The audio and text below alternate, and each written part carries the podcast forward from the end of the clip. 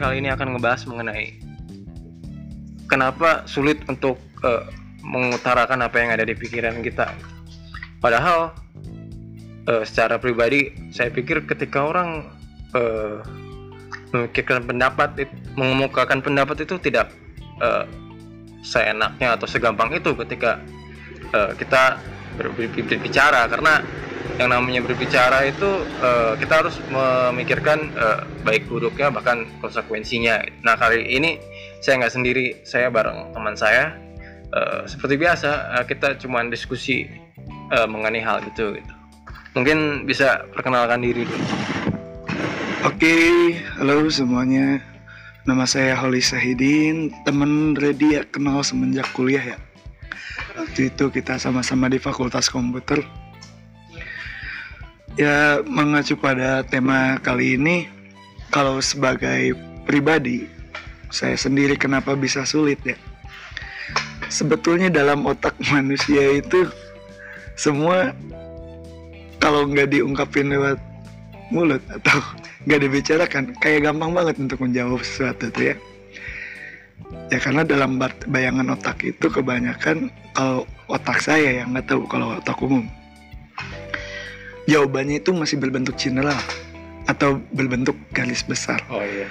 Nah, sedangkan untuk berpikir secara mendetailnya itu terkadang ada yang males, ada yang untuk hal detailnya itu kurang referensi dan ada juga hal detail yang menunjang garis besar itu tidak terlalu sering dibahas atau tidak terlalu sering dibicarakan yang akhirnya kadang lupa referensinya dari mana tapi masih ingat esensi atau hal inti yang disampaikannya itu apa. Untuk menjawab suatu pertanyaan kenapa bisa sulit mengungkapkan suatu pendapat atau menjawab menjawab sesuatu pertanyaan? Sebetulnya hanya di detailnya aja nggak bisa mendetailkan jawaban yang general atau lebih simpelnya membuat sederhana sesuatu yang rumit itu susah. Berarti bisa disimpulkan uh, ketika kita mengutarakan pendapat gitu, uh, ketika kita ingin melakukan itu uh, yang membuat sulit karena kita tidak terbiasa untuk uh, berpikir kritis uh, dan bahkan berpikir secara mendalam akhirnya kita tidak bisa mengutarakan secara detail ya. Nah, berarti apa ya? Di sini kecakapan orang dalam berbicara juga bisa menjadi value dari diri seseorang itu ya. Kalau menurut saya sih yes. Kayak Mas Anang ya, kalau saya sih yes. Anjir jadi kaku kayak gini. Iya. Kampret, kampret.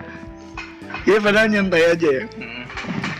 Ya kalau kalau dari saya sih ya seperti itu jadi kenapa tidak bisa mengungkapkannya ya kalau tidak terbiasa mengobrol atau secara kritis atau ngobrol secara dalam tuh jarang.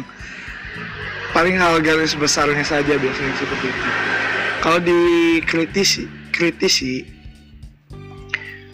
itu kan pasti setiap step by stepnya untuk langkah jawaban yang besar itu pasti ada kemungkinan-kemungkinan.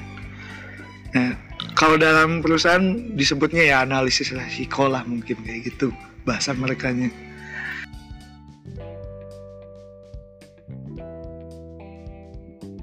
Berarti setidaknya kalau kita mau mengutarakan pendapat juga bisa dinilai ya. Uh, itu hanya di tingkat obrolan biasa atau enggak. Biasanya kalau misalkan obrolan santai kan kita ngomong dengan santainya dengan nyeletuknya uh, ngomong apa pun gitu tanpa perlu ada referensi yang kuat. Misalkan kita lagi ngomongin bumi datar ya kita ngomong aja ngaco dari ber berbagai macam referensi yang mungkin lu kagak baca secara detail cuma sepintas muncul di timeline lu terlepas sosial media lu apa pun gitu. Lu tinggal ngomong inilah itulah terus temen lu nyeletuk lagi gini gitu gitu gitu gitu akhirnya kan uh, obrolan menjadi lebih berwarna karena itu memang dibalutnya santai. Kalau misalkan emang uh, obrolannya berbeda maksudnya di ranah yang serius atau mungkin di eh, kondisi-kondisi tertentu itu itu yang membedakan uh, tingkat kemampuan berbicara seseorang kalau menurut saya gitu. Karena secara saya bagi pribadi ya entah saya ngomong di depan uh, umum maksudnya di acara yang resmi mungkin kondisi kondisi kondisi tertentu lah atau mungkin di ruang lingkup tongkrongan gitu. Saya tetap uh, sebisa mungkin ketika saya tidak tahu saya tidak berbicara. Karena kalau misalkan saya berbicara sesuatu hal yang tidak saya ketahui rasanya kurang etis gitu. Terus akhirnya jadi ngaco atau ngada-ngada gitu. Tapi saya lihat ya uh, banyak sekali orang yang asik di tongkrongan gitu. Uh, bahkan dia jadi pusat perhatiannya gitu. Seringkali ketika misalkan di acara maksudnya di kondisi-kondisi tertentu yang melibatkan banyak di kondisi, kondisi serius lah bisa dibilang. Dia kayak mati kutu gitu. Itu sempat kepikiran kenapa bisa seperti itu. Apa karena mungkin di tongkrongan dia biasa ngomong ngomongnya ngaco ketika misalkan dia di kondisi yang seperti itu maksudnya serius. Itu di ruang publik lah. Ya akhirnya mati kutu karena kebias takutnya dia uh, menjatuhkan kredibilitas diri sendiri karena dia uh, biasa ngomong ngaco uh, ngomong bebas maksudnya ya. Uh, ketika di kondisi itu dia akhirnya harus berbicara secara bertanggung jawab bisa dibilang kayak gitu. Akhirnya dia uh, kebingungan atau bahkan speechless bah sering kali mungkin uh, rasa gugup itu tiba-tiba muncul yang tadinya orang dia dia itu sangat asik di tongkrongan gitu. Kalau menurut saya kayak gitu sih. Ya jadi begini ya kalau menurut saya gini di tongkrongan itu sifatnya kan sharing dan berbagi. Hmm. Jadi tidak melulu tentang saintifik. Kalau di forum-forum serius hmm. itu biasanya dibahas secara saintifik. Ini referensinya apa ini apa ini apa. Kalau di tongkrongan mau referensi sekuat atau selemah apa pun ya bisa diungkapkan dengan seenak jidat. Ya ini referensinya dari sini loh referensinya dari A B C D E F G. Kalau di ya, tongkrongan tuh iya di tongkrongan itu karena sangat cair pembawaannya. Ya. kalau di forum nggak bisa secair itu. Karena tetap aja yang namanya forum itu tidak semua orang kita kenal seperti di tongkrongan. Jadi kehati-hatian dari dalam berbicara itu tiba-tiba uh, muncul atau ada di ada di diri lu ketika uh, ada di suatu kondisi yang forum resmi misalkan kayak gitu atau mungkin acara-acara apa pun lah. Intinya yang bersifat resmi melibatkan banyak orang yang notabene uh, itu orang baru atau mungkin itu audiens uh, apa ya yang siap dengerin lu gitu. Akhirnya lu gugup gitu. Nah berarti yang saya rasa uh, apa ya namanya? Uh, lanjut dulu lanjut dulu gua masih ngepleng jadi gini bro. Kalau di tongkrongan itu kan orang-orangnya kita kenal ya karakter masing-masing sedikit banyak kita tahu lah ya. Kalau di forum umum ini ada orang baru kenal kita baru baru tahu karakter kita seperti apa. Tiba-tiba kalau kita lagi bercanda orang tongkrongan kan udah tahu oh ini orang lagi bercanda. Kalau di forum umum nggak tahu bedain mana yang bercanda mana yang enggak karena kan nggak kenal gitu.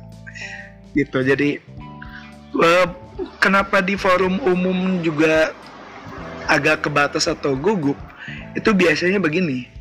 Uh, sifat alami manusia itu selain naluri untuk makan dan berkembang juga ada naluri bertahan hidup.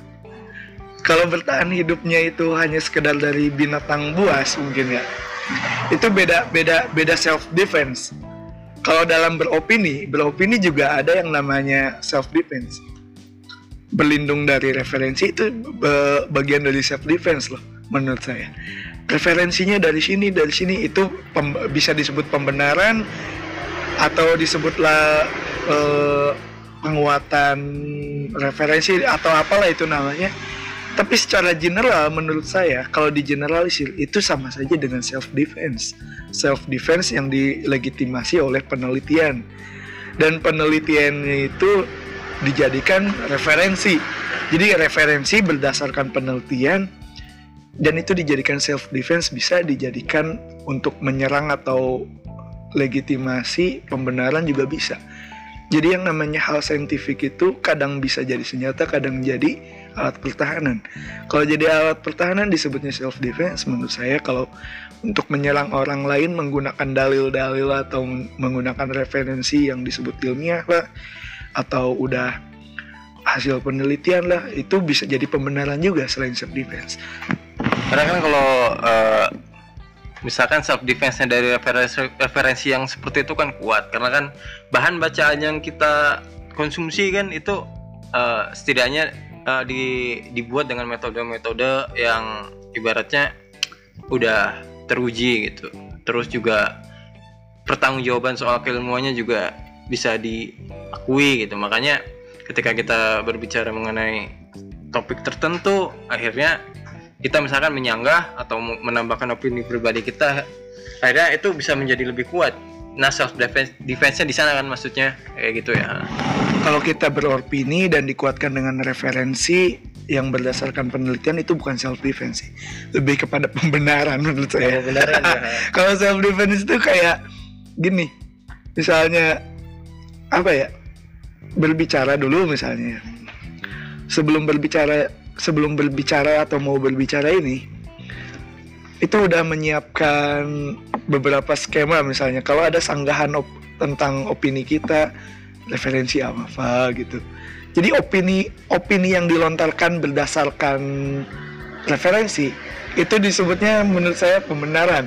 Tapi pembelaan pembelaan terhadap opini yang sudah dilempar itu lebih pada self defense jadi beda tipis ya mirip-mirip kayak kisah si kancil yang mau melewati sungai kalau dari sudut point of view-nya kancil mungkin kancil itu adalah binatang yang cerdik ya tapi dari dari point of view-nya buaya kancil itu licik karena tidak menyepak tidak melaksanakan kesepakatan di awal. Oke, uh, sampai di sini saya gua paham maksud saya. Uh, jadi mungkin dari apa ya tingkat SMP mungkin sampai seterusnya harus sering di tingkatkan lagi. Acara-acara diskusi gitu yang membahas uh, topik-topik tertentu. Jadi uh, nilai-nilai kritis maksudnya yang ada pada setiap uh, orang itu sudah mulai dibangun dari ruang lingkup pendidikan yang uh, lebih awal itu. Sehingga ketika dia dewasa ya nggak kaget ketika harus uh, beradu argumentasi gitu ya itu sangat penting sih sepakat dengan itu. Harus dibiasakan dulu. Kalau tidak terbiasa seperti itu ya susah ya. Semua orang yang expert juga awalnya pemula. Kalau pengen orang-orang expert di usia-usia SMA atau awal-awal masuk kuliah ya harusnya pemu menjadi pemulanya jangan pas kuliah atau jangan pas SMA harusnya menjadi pemulanya minimal SMP lah kalau tiba-tiba SMA atau kuliah harus dituntut jadi expert atau terbiasa berbicara ada sih ada ya. Paling satu dua kalau tidak dibiasakan dari awal. Terus perihal tentang pengungkapan opini atau pengungkapan ide dan lain-lain itu lebih kepada perbedaan antara di publik sama di tongkrongan tuh tempatnya tuh ini kan misalnya kita upload ke medsos nih. Hmm. kita kan ngomong di tongkrongan nih lingkungan sendiri dong. Kalau lingkungan sendiri ya saya enak-enaknya aja ngomong karena udah tahu semua udah tahu karakter dan lain-lainnya. Begitu dilempar ke medsos tiba-tiba ada yang tersinggung lah. Lu kan gak diajakin ngobrol kan bisa juga gitu. Kita gaya gaya penyampaiannya gaya penyampaian tongkrongan tiba-tiba yang denger adalah orang baru kenal ngerasa diajakin lagi kan gak diajakin kok tersinggung ya? Kadang suka ada yang kayak gitu. Makanya di sini uh, kalau misalkan berbicara tidak semudah yang anda pikirkan itu karena uh, berbicara itu kan secara tidak langsung itu men menunjukkan kualitas diri bahkan keilmuan uh, kita kayak gitu. Uh, mak makanya saya tertarik ya ngebahas mengenai hal ini mungkin sebagai penutup ada kesimpulan atau apa pun lah. Oke, kesimpulannya begini. Tidak semua manusia itu percaya dengan hal-hal yang saintifik. Dan semua hal-hal saintifik itu tidak semuanya menjadi pembenaran. Ada juga self defense. Selain pembenaran juga kadang untuk tujuan yang benar ada. Ada yang op opini dia salah dan menabrak dibenarkan dengan referensi orang lain juga ada. Jadi harus berpikir secara holistik aja lah. Kita berbicara di mana untuk siapa, referensinya seperti apa, begitu. Jadi hal saintifik juga kadang masih diperdebatkan karena saintifik itu belum tentu pasti fakta karena ada perkembangan ilmu pengetahuan itu juga berkat perdebatan hal-hal yang sudah dinyatakan gitu. Misalnya dulu itu atom itu ya atom. Padahal setelah perkembangannya ternyata atom itu terdiri dari uns dua unsur lagi kan. Eh, Terus yang sudah disepakati bumi itu bulat masih aja ya yang debatin kalau bumi itu datar. Jadi tidak semua orang bisa bisa menerima hal saintifik kadang seperti itu. Eh, makanya ilmu itu berkembang ya. Kalau misalkan kita tidak eh, memperluas atau menambah ilmu pengetahuan kita ya kita eh, akan tertinggal itu karena sering berjalannya waktu gitu. Evolusi tetap berjalan. Bahkan mungkin revolusi pun ada. Eh, makanya kita perlu menambah wawasan. Jangan mudah puas dengan eh, keilmuan yang sudah ada gitu. Karena eh, dunia dunia selalu berkembang. Orang-orang pun sama berkembang pula gitu makanya kita harus eh, siap dengan itu pun dalam kita mengemuka- mengemukakan pendapat ya Eh, karena ketika kita mengemukakan pendapat ya harus eh, bersifatnya ya membangun tidak hanya mengkritik dan tidak memberikan sebuah solusi yang eh, pasti kayak gitu Ya, seperti kebanyakan mayoritas. Ya, orang mayoritas bilang nabinya seperti ini. Didiklah anak-anakmu seperti zamannya. Itu kan dari sana saja sudah ketahuan bahwa zaman itu berubah dan pola didik aja harus dirubah. ini yang saya suka ketika ngajak Holis untuk eh, diskusi atau ngobrol santai ya karena saya rasa dia ba- bahan bacaannya lebih banyak dari saya Eh, terus ketika dia menjelaskan sesuatu itu eh, cukup menggunakan referensi yang banyak ketimbang dari saya. Kalau saya kan murni aja dari opini pribadi aja eh, persepsi pribadi gitu. Jadi kayak kurang greget gitu. Makanya sering kali di ruang publik ya maksudnya di ruang-ruang diskusi tertentu gitu yang sifatnya serius kadang saya hanya bisa terkesima. Atau mungkin nunggu nunggu pembicara lain mengungkapkan pendapatnya baru saya ambil komposisi yang pas baru saya berbicara gitu karena saya benar-benar berhati-hati dalam segala hal kayak gitu Setiap ruang publik ada kategorinya yang mau disampaikan terus setiap kategori opini atau referensi ada tempatnya juga. Eh, tapi yang paling penting jangan skeptis ya. Eh, kita berpikir bahwa eh, buat apa sih kita harus punya kemampuan itu? Eh, untuk apa sih? Jangan jangan karena setidaknya kita harus jadi eh, pemimpin atau mungkin orang yang memberikan pengetahuan minimal di ruang lingkup keluarga gitu. Ma, terus kita juga tidak akan pernah tahu di masa depan kita akan eh, berada di level mana minimal di eh, tingkatan terkecil lah bisa dibilang lingkungan kerja aja. Eh, setidaknya kan anda perlu eh, apa ya berbicara untuk mengemukakan pendapat yang ada di pikiran anda Eh, terlepas itu untuk eh, kemajuan bersama. Hal itu penting jadi jangan berpikir bahwa ah ngapain sih lu ngomong harus dengan bahasa Indonesia yang baik dan benar lu harus kayak banyak bacaan. Jangan seperti itu gitu itu pemikiran-pemikiran yang tidak membawa anda maju kayak gitu. Itu sih kalau dari saya. Yo iya sepakat dengan itu karena ya kalau mau ngelihat kenapa susah lebih mirip kayak gini sih. Kalau ada sesuatu bahan pembicaraan jawabannya adalah visi, visi itu garis besar dan misi itu kan hal-hal detail untuk mencapai misi. Jadi kenapa berbicara itu susah karena menguraikan suatu visi atau suatu solusi itu bukan pekerjaan orang yang tidak punya kredibilitas. Gak mungkin orang yang tidak punya kredibilitas punya visi misi dan punya tujuan atau leadership. Eh, itu mungkin obrolan kali ini ya. Eh, biasa ini ngobrol santai bisa dibilang diskusi santai nggak terlalu serius atau mendalam yang harus bawa referensi dari mana dari mana. Nah, ini juga kita ngobrolnya di warkop ya pinggir jalan udah cukup eh, hampir tengah malam lah bisa dibilang. Jadi ya enjoy aja. You don't need to take it uh, so seriously why so serious? We have to enjoy uh, our time. Oke. Oke. Thank you yang udah dengerin. Tunggu obrolan-obrolan santai lainnya dari saya Redian Nurrahman dan Holis tentunya. Tentunya. Oh oke lah tentunya. Nggak bisa jadi kan nanti yang ngobrolnya bareng orang lain. Kalau bareng saya juga nggak apa-apa sih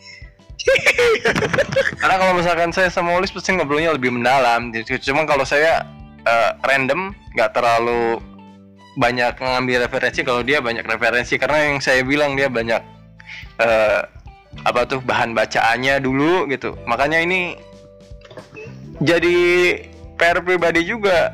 Karena yang namanya ilmu itu tidak akan pernah mati. Dalam artian ilmu yang lu pelajari yang anda pelajari itu pasti berguna. Entah dan pastinya berkembang itu entah di kondisi apa pun yang minimal di lingkungan keluarga sendirilah. Itu yang dari saya. Oke cukup mungkin. Bye.